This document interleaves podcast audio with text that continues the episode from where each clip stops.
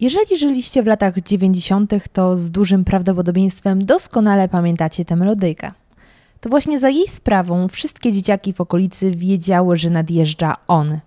Żółty busik z lodami od Family Frost. Chyba nie ma drugiego smakołyku, który tak mocno kojarzyłby się z latem jak właśnie lody.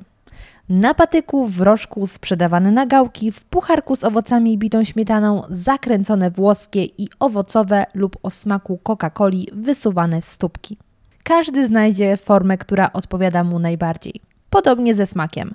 Od klasycznej wanilii, truskawki i czekolady, przez pistację, cytrynę i solony karmel, po dość kontrowersyjną gumę do rzucia, bekon czy marchewkowe kary.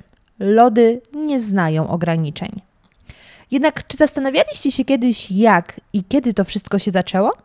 Jakimi smakami zajadali się nasi przodkowie, a także dlaczego to właśnie włoskie gelato uchodzą za najlepsze lody na świecie? O tym wszystkim usłyszycie w dzisiejszym odcinku podcastu Zmacznego. Najciekawsze historie opowiada się przy stole. Nazywam się Małgosia Zmaczyńska i zabiorę Cię w niezwykłą podróż kulinarną. Zmacznego!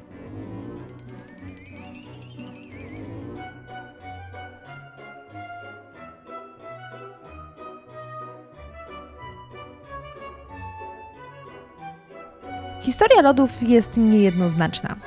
Nic jednak dziwnego, skoro ich początki datuje się nawet na 4000 lat przed naszą erą. Przepraszam? Tak, dobrze słyszycie. Według niektórych źródeł mroźnym deserem cieszyli się już mieszkańcy Mezopotamii. Zatrudniano tam biegaczy, którzy pokonywali setki kilometrów, aby zdobyć śnieg oraz lód, którymi chłodzono napoje serwowane na ceremoniach religijnych oraz bankietach. Nawet w Biblii można znaleźć fragmenty mówiące o królu Salomonie, który uwielbiał pić chłodzone napoje w czasie żniw. Pewnie zastanawiacie się teraz, jak radzono sobie bez dostępu do zamrażarek. W tym celu wykopywano głębokie doły, w których magazynowano śnieg oraz lód, a następnie zakrywano przykład słomą.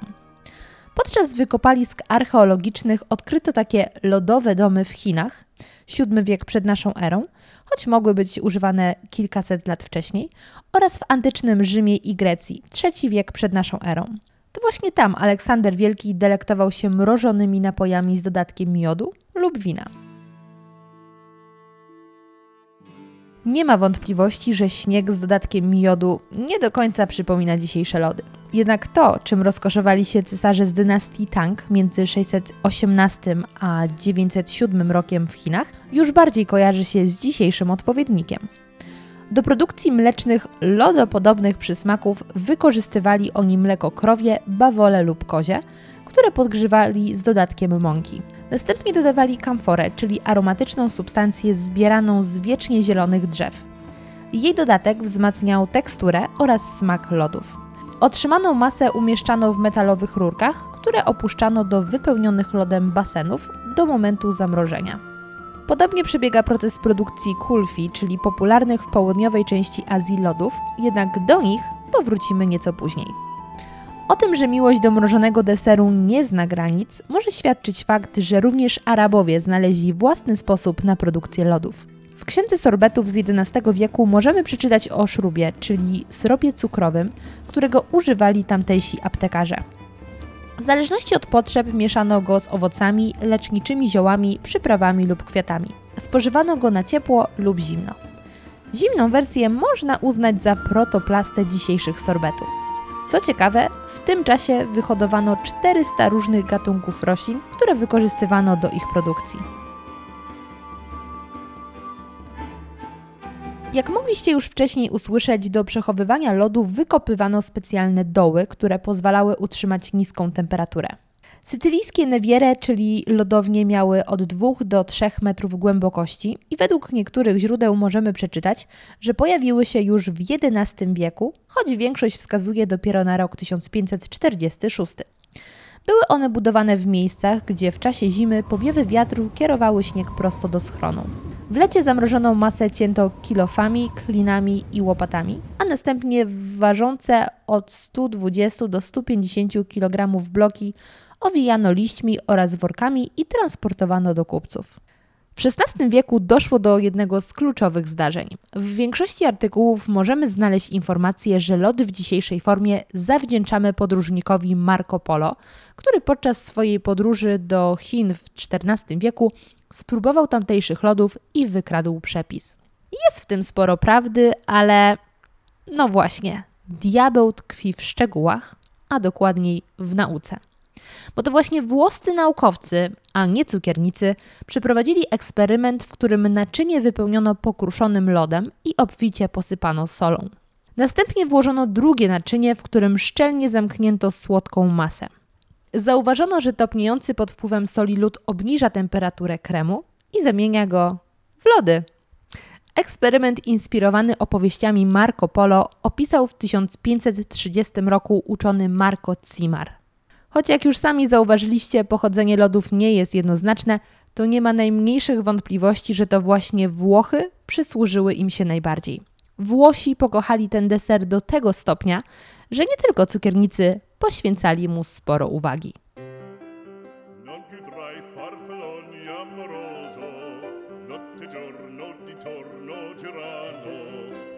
Jedną z takich postaci był Bernardo Buontalenti, rzeźbiarz, malarz, inżynier wojskowy i scenograf, jeden z najważniejszych i najbardziej wpływowych artystów drugiej połowy XVI wieku. Jednak oprócz tego był znany z wyprawiania najlepszych bankietów we Florencji. Być może cieszyły się one taką sławą dzięki lodom, które stworzył Bernardo. Kto wie, Pewne jest, że to właśnie on w przenośni i dosłownie wprowadził lody na bazie śmietany i jajek na salony. Aby uczcić tego wspaniałego artystę, możecie przy okazji wizyty we Włoszech skusić się na gałkę Buontalenti, czyli lodów na bazie śmietanki, mleka, cukru i jajek. Na kartach historii lodów bardzo mocno zapisał się rok 1686. Wtedy to właśnie lody przekroczyły granice Włoch i zawędrowały do Francji, a dokładniej do Paryża.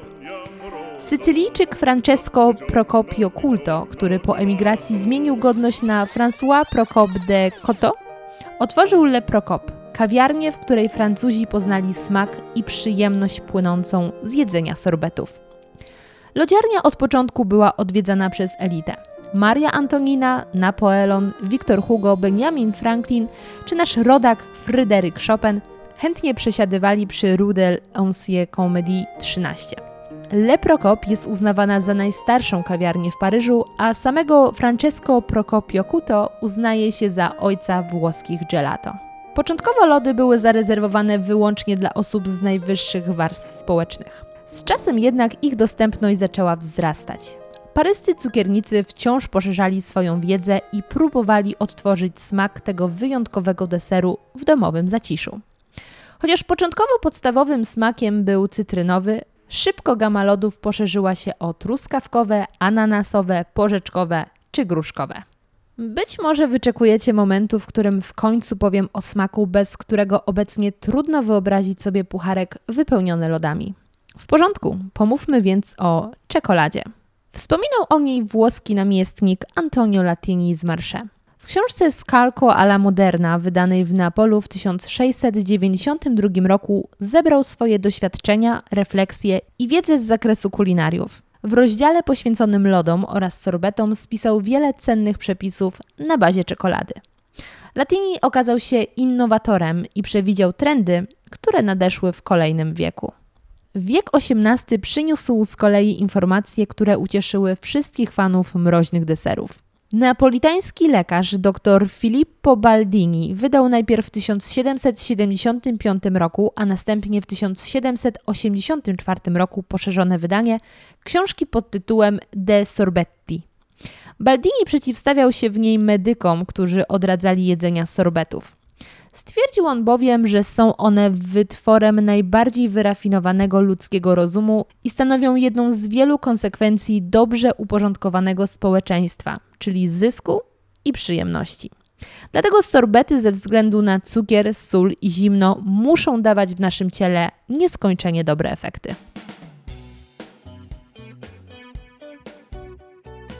Kolejny przełomowy moment w historii lodów nastąpił w XIX wieku. Zaczęło się od Michaela Faradaya. angielskiego chemika i fizyka, który po odkryciu pewnych związków chloru upłynnił je i tym samym stworzył prostą metodę skraplania gazów. Następnie Carré opatentował system chłodniczy działający na sprężony amoniak, a wkrótce po tym Karl Paul Gottfried von Linde, inżynier, naukowiec i profesor na Uniwersytecie Technicznym w Monachium, pomógł w pionierskim chłodzeniu przemysłowym, co powszechnie jest znane jako cykl Hamson-Linde i wykorzystał swoje odkrycia do zaplanowania maszyny do lodu i chłodzenia. Od tego momentu produkcja lodów objęła swoim zasięgiem niemal cały świat, a magazynowany w lodowniach śnieg powoli zaczął tracić na znaczeniu. Wiedza dotycząca lodów stawała się coraz bardziej usystematyzowana, czego dowodem może być fragment książki kulinarnej włoskiego kucharza Francesco Leonardiego, który choć na co dzień służył na dworze rosyjskiej cesarzowej Katarzyny II Wielkiej, w swoich daniach przeplatał inspiracje z różnych kuchni, w tym również z polskiej.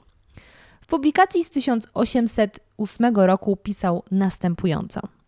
Sorbety – Woda, cukier, zioła lecznicze, kwiaty, bulwy, przyprawy, owoce, warzywa były i są surowcami wykorzystywanymi do produkcji syropów używanych do produkcji sorbetów. Nawet wina, piwa lub likiery mogą być częścią tej wspaniałej rodziny przysmaków. Lody. Mleko i śmietana, cukier, jajka, następnie dodatek czekolady, wanilii, orzechów laskowych, pistacji i wszystkiego, co oferuje natura i które producent lodów chce wykorzystać do budowy doskonałych domowych lodów. Jest jeszcze inny, równie fundamentalny składnik, który trudno jest sobie wyobrazić. Powietrze. Bez uwzględnienia powietrza sorbet i lody nie byłyby tak łagodnie słodką chmurką, którą każdy zna i kocha. I wreszcie wszystkie surowce świata byłyby bezużyteczne, gdyby nie istniała myśląca istota ludzka, pełna pasji i profesjonalizmu, rzemieślniczy producent lodów. Opowiadając o lodach, trzeba wspomnieć o miejscach, dzięki którym również my w Polsce poznaliśmy smak doskonałych włoskich gelato. Zoldo i Cadore to regiony w prowincji Belluno w Dolomitach. To właśnie stamtąd pochodzili doskonale wykwalifikowani rzemieślnicy, którzy dzięki ciężkiej pracy i korzystaniu wyłącznie z najwyższej jakości składników rozpropagowali włoskie gelato na świecie. Między drugą połową XIX wieku a pierwszymi dziesięcioleciami XX wieku wyemigrowały stamtąd tysiące osób, które na nowo chciały ułożyć sobie życie za granicą. Od Brazylii i Argentyny przez Kanadę i Japonię po liczne kraje europejskie. W każdym z tych miejsc rozpoczynali produkcję najlepszych lodów. Dzięki nim ulice Pragi, Budapesztu, Warszawy, Lipska, Brna, Krakowa i Amsterdamu zapełniły się kolorowymi wózkami, w których migranci z Zoldo i Cadore trzymali, a następnie sprzedawali włoskie gelato.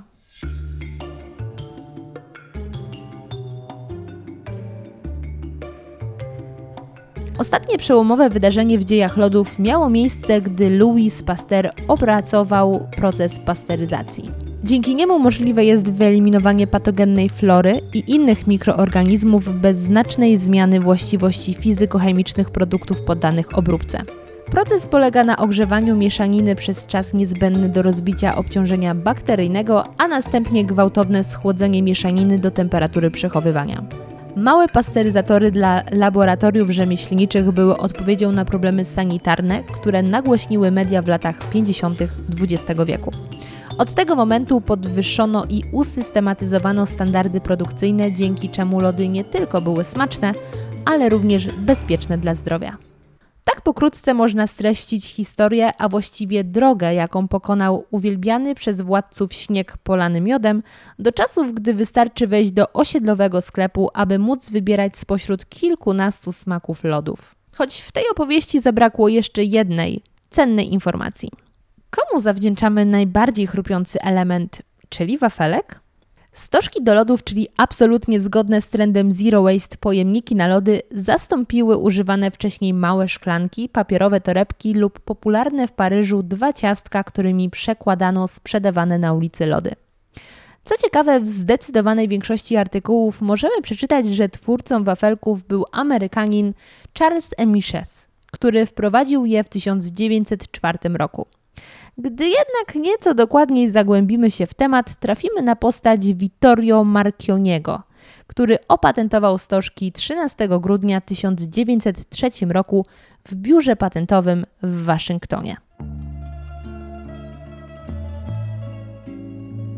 Przygotowując się do dzisiejszego odcinka, trafiłam na ciekawą książkę pod tytułem Gelato, Ice Cream and Sorbets. Jej autorka podjęła niełatwe zadanie, jakim jest próba odpowiedzenia na pytanie, dlaczego to właśnie włoskie lody, gelato, uchodzą za najlepsze na świecie. Pisze ona następująco.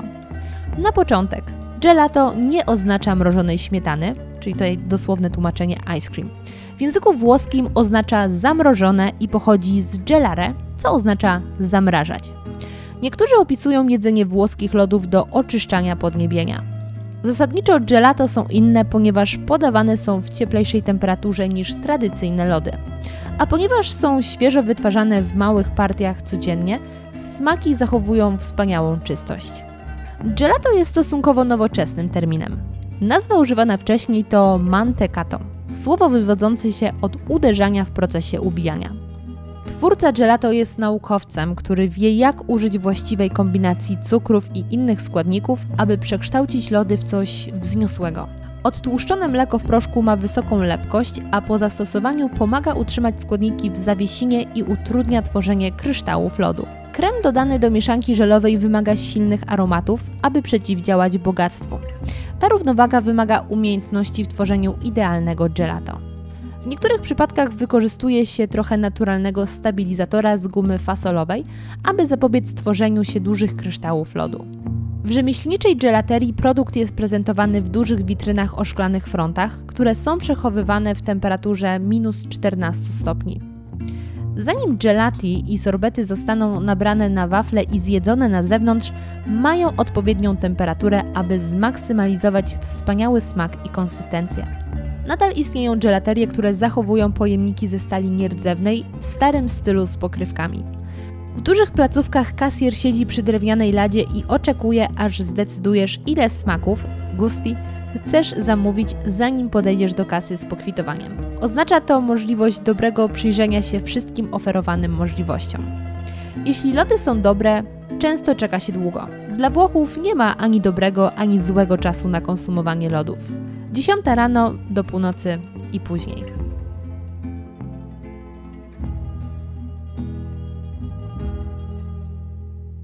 Skoro już jesteśmy przy temacie włoskich lodów, warto wspomnieć o tych lodach włoskich, które popularnością w nadmorskich kurortach mogą rywalizować tylko z goframi z bitą śmietaną. Na początek trzeba powiedzieć jedną rzecz. To nie są prawdziwe lody włoskie. Ich nazwa pochodzi od maszyn, które początkowo produkowano właśnie we Włoszech, jednak ani smakiem, ani wyglądem nie przypominają oryginalnych włoskich gelato. Co więcej, tylko w Polsce, Francji i Brazylii określa się je mianem lodów włoskich. W zależności od kraju stosuje się nazwy soft serve, soft ice, soft ice cream, softy. Wszystkie nawiązują do miękkiej konsystencji, ale również machine ice cream, American ice cream, Mary cream, a także 99, czyli 99, której używa się w Wielkiej Brytanii i nawiązuje do batonika Cadbury, który wtyka się w lody. Lody włoskie powstały w latach 30. ubiegłego wieku w Stanach Zjednoczonych. Są wykonywane z podobnych składników co lody tradycyjne, ale charakteryzują się bardziej miękką i mniej gęstą konsystencją. Jest to zasługa wprowadzania powietrza podczas zamrażania, które odbywa się w maszynie.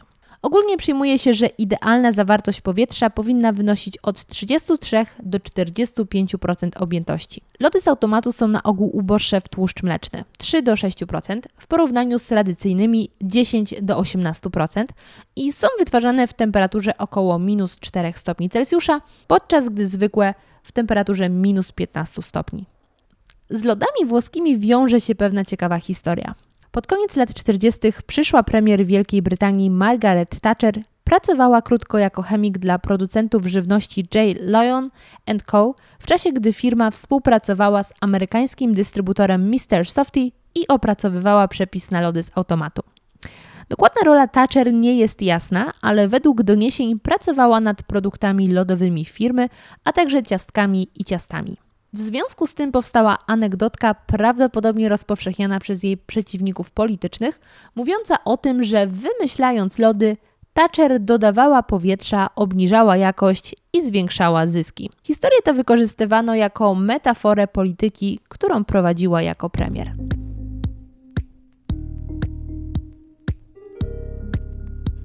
Przy okazji opowieści o pierwszych lodach w kinach wspominałam, że ich produkcja przypominała proces powstawania kulfi.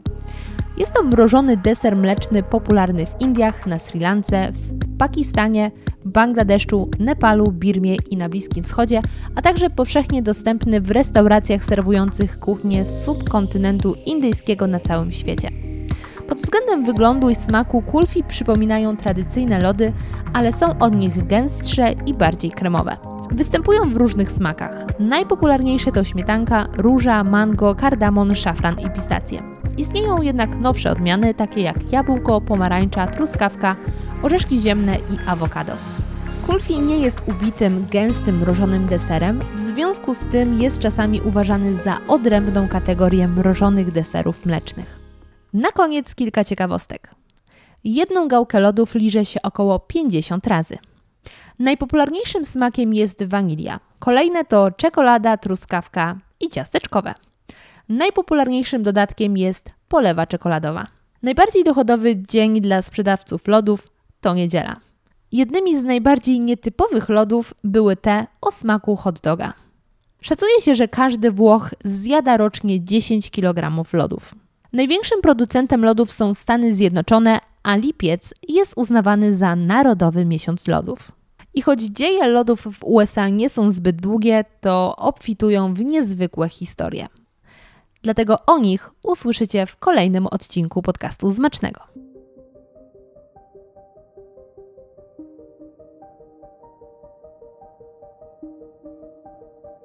Choć odcinek ten zdecydowanie nie należy do najdłuższych, to nie ukrywam, że przygotowanie go zajęło mi naprawdę sporo czasu. Przez ponad dobę przeszukiwałam anglojęzyczny, a także wyjątkowo włoskojęzyczny internet w poszukiwaniu jak najbardziej rzetelnych informacji. Ponieważ większość stron internetowych, w tym również polskie, zazwyczaj powielają różne mity albo bardzo pobieżnie traktują temat. Mnie natomiast zależy na tym, żeby jak najdokładniej poznać historię od samego początku do końca, nie pomijając żadnych szczegółów i przede wszystkim trzymając się faktów. Kolejną dobę natomiast poświęciłam na uporządkowanie zebranych informacji i wybranie tych, które są najważniejsze, następnie nagranie tego wszystkiego, co teraz usłyszeliście, a potem zmontowanie podcastu. Mówię o tym dlatego, że jest to kawał roboty, którego nie widać na pierwszy rzut oka, a właściwie pierwszy rzut ucha. Dlatego jeśli doceniacie czas i pracę, w którą wkładam w przygotowanie każdego odcinka, to będzie mi bardzo miło, jeśli powiecie o podcaście swoim znajomym. Bardzo chciałabym, aby dotarł on do osób, które podobnie jak my są miłośnikami dobrego jedzenia albo fanatykami ciekawych historii. Dlatego jeśli macie wokół siebie takich ludzi, to dajcie im znać o podcaście albo zainstalujcie im od razu aplikację do podcastów i zasubskrybujcie Zmacznego, żeby razem z nami mogli wybrać się w kolejne niezwykłe podróże kulinarne. A jeśli uważacie, że nagrywając ten odcinek zasłużyłam na kubek dobrej kawy, to możecie mi ją postawić za pośrednictwem strony patronite.pl ukośnik zmacznego. Zostając patronem nawet na jeden miesiąc, nie ma potrzeby deklarowania się na dłuższy okres. Nie tylko wspierasz mnie, ale przede wszystkim podcast. I dzięki m.in. wsparciu patronów mogę pozwolić sobie na podróże, z których wracam do Was z kolejnymi historiami, takimi jak o rogalach marcińskich, waflach gdańskich czy po rozmowie z Pizzager Patrol. Jeśli chcielibyście się ze mną skontaktować, to jestem dostępna pod adresem podcast radioaktywny na Facebooku podcast radioaktywny ukośnik zmacznego, a, a także na Instagramie zmaczne.go. I to tyle. Bardzo dziękuję i do usłyszenia już niedługo.